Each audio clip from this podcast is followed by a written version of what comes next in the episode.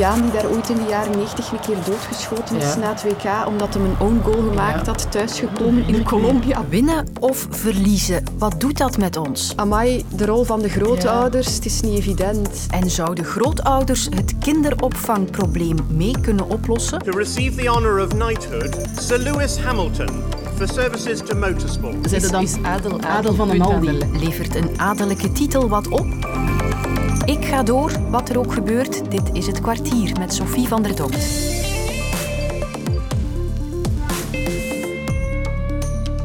Wie naar de podcast luistert, trekt zich geen bal aan van voetbal of luistert na de match en weet dus al meer dan, dan wij, op dan dit ik. moment. Ja, moeilijke dag. Niet alleen voor de Rode Duivels, ook voor ons.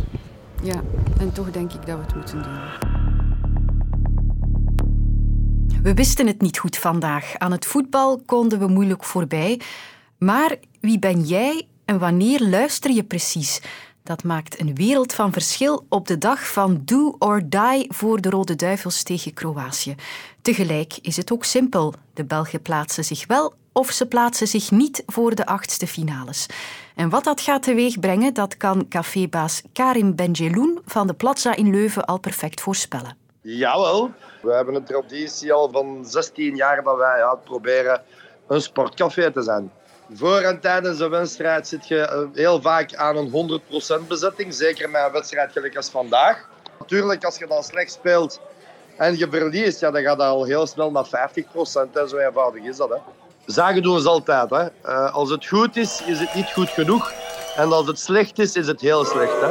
In sport is er geen middenweg. En vandaag denkt iedereen dat het zo en zo en zo en zo moet. Maar uiteindelijk is het pas nadat de referee afgefloten heeft dat we weten wie dat gelijk heeft. Hè. Daarop konden wij niet wachten met het kwartier, maar supportersgedrag, daar is zo te horen geen glazen bol voor nodig. Ik schakel een expert in. Dit is het antwoordapparaat van... Philip Boen, ik ben professor sport- en bewegingspsychologie van de KU Leuven. Wil je weten hoe wij omgaan met een uitschakeling? Druk 1. Voor een kwalificatie druk 2. Ik ga beginnen bij 1. We hebben zeker de neiging om ons te distancieren van verliezende teams. Dus dat is uh, typisch, hè, dat je wilt pronken met je associatie met een succesvolle groep als ze het goed doen. Maar als die groep verliest, hè, zoals een sportteam, dan ga je juist je, uh, je sjaals en zo gaan uh, verbergen. Uh, supporters van Racing Genk die, die, hebben een half seizoen gevolgd en daar vonden wij dat uh, hun gemoedsgesteldheid in de dagen na een uh, nederlaag beduidend lager was dan na een overwinning. Alles werd daar ook wel voor een deel gemodereerd door hoe verwacht was de winst of het verlies. De verwachtingen zijn al serieus getemperd. En dat is heel belangrijk, omdat het zelfbeeld hangt veel meer dan mensen beseffen, hangt dat af van de groepen waartoe we behoren. En in de sport is dat heel duidelijk, uiteraard. Er kan ook altijd maar één winnaar zijn. We noemen dat zero-sum situaties. Dat maakt sport juist zo uh, charmant, maar ook hard. Hè. Als, als jij wint, dan verliest de andere per definitie.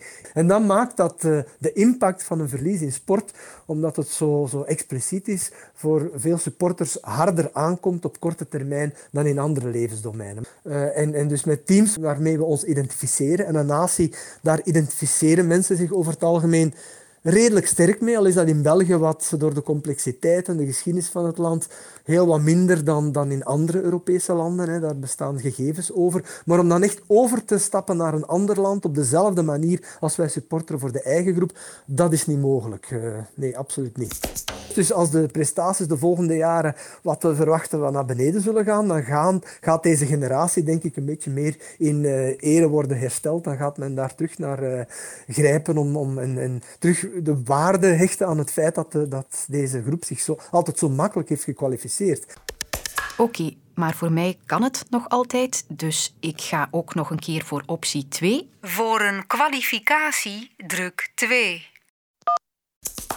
Als we winnen met een goede prestatie, ons kwalificeren, dan gaat het ineens heel sterk uh, keren. Omdat we dan soms ons ook onbewust strategisch weer willen associëren met die, die mogelijke winst van de Rode Duivels die, die op ons afstraalt. Zowel naar de buitenwereld toe, maar ook voor ons eigen zelfbeeld is dat heel belangrijk.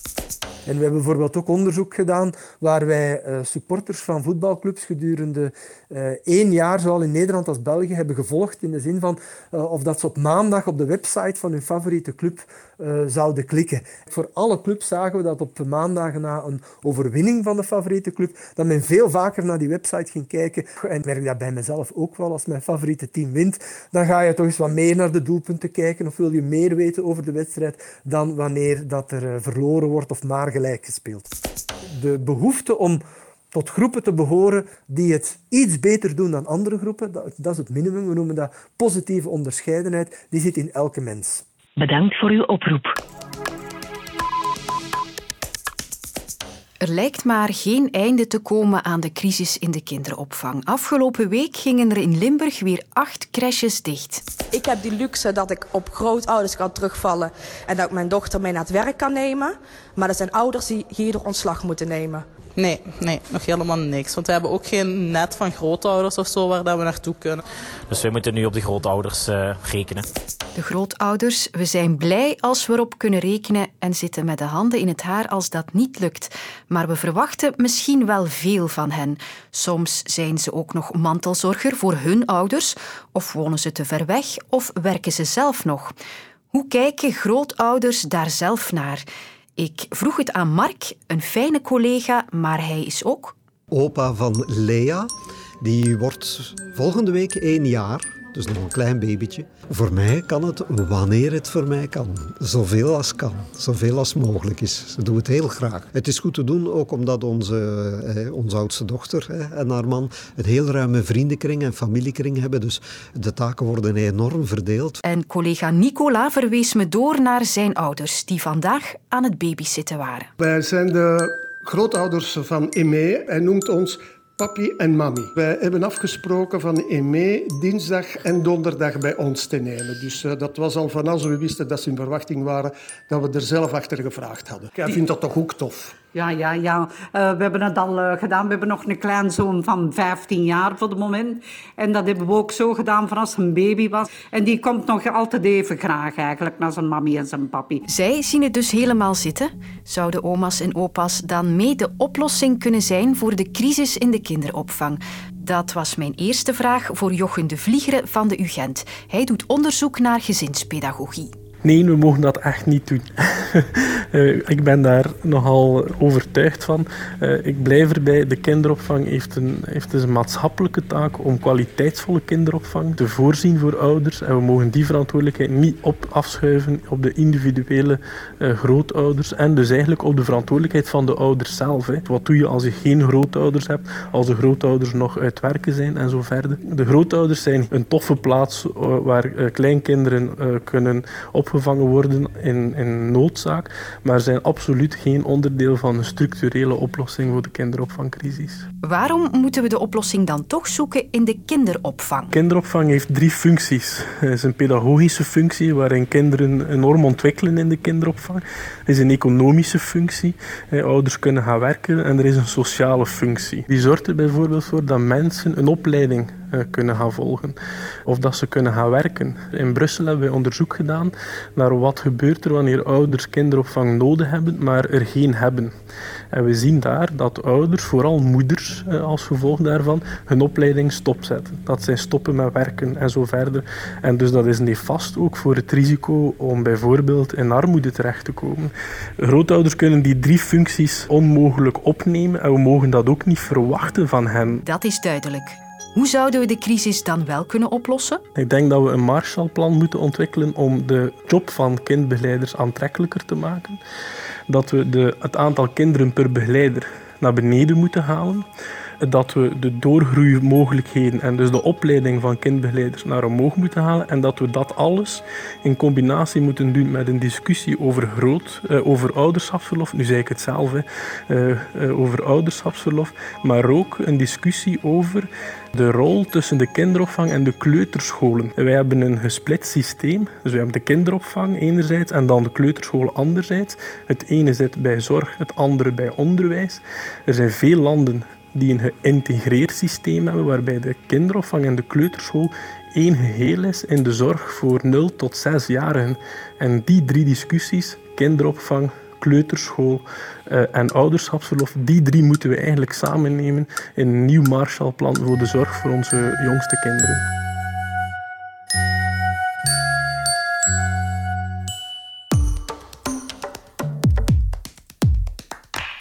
Vandaag zijn op het Koninklijk Paleis de adellijke titels uitgereikt.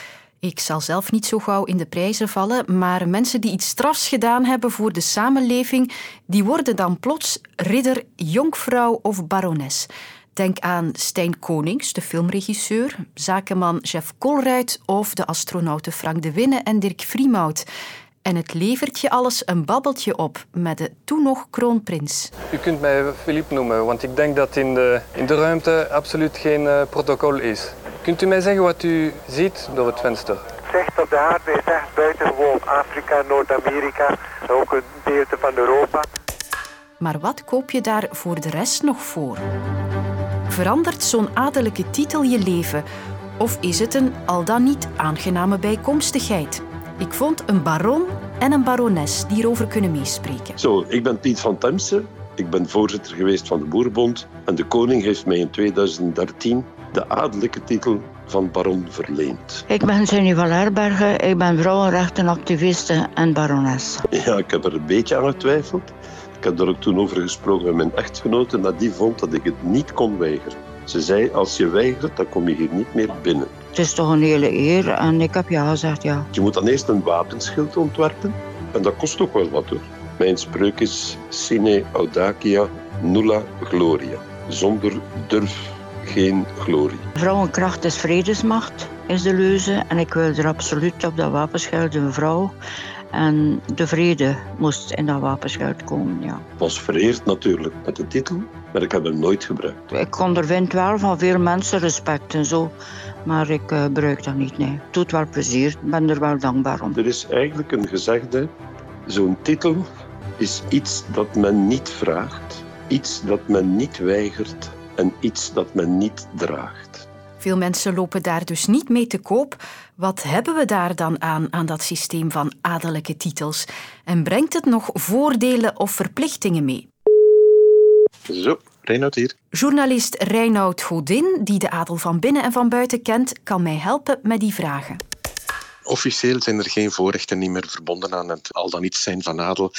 Er zijn mensen die daar wel gebruik van maken als ze een titel hebben, die zetten dat op een naamkaartje en dan proberen ze soms om daar een betere plaats in een restaurant mee te krijgen of een betere reservering. Maar eigenlijk wordt dat uh, niet alleen helpt dat niet echt niet meer in deze tijd, maar het wordt ook eigenlijk sterk afgekeurd door de mensen die echt van adel zijn. Dat is eigenlijk een hele slechte gewoonte. Als je daarom zou, zou ik zeggen van adel zou willen worden om dat te kunnen verkrijgen, dat werkt niet. Wat er wel kan gebeuren als je een, adellijke gunst hebt, hm, soms opent het poortjes eh, bij bepaalde organisaties of figuren. En ik herinner me dat Stijn Konings, toen hij baron werd, dat hij zei, ik ga dat nooit voor mezelf gebruiken, die adellijke titel.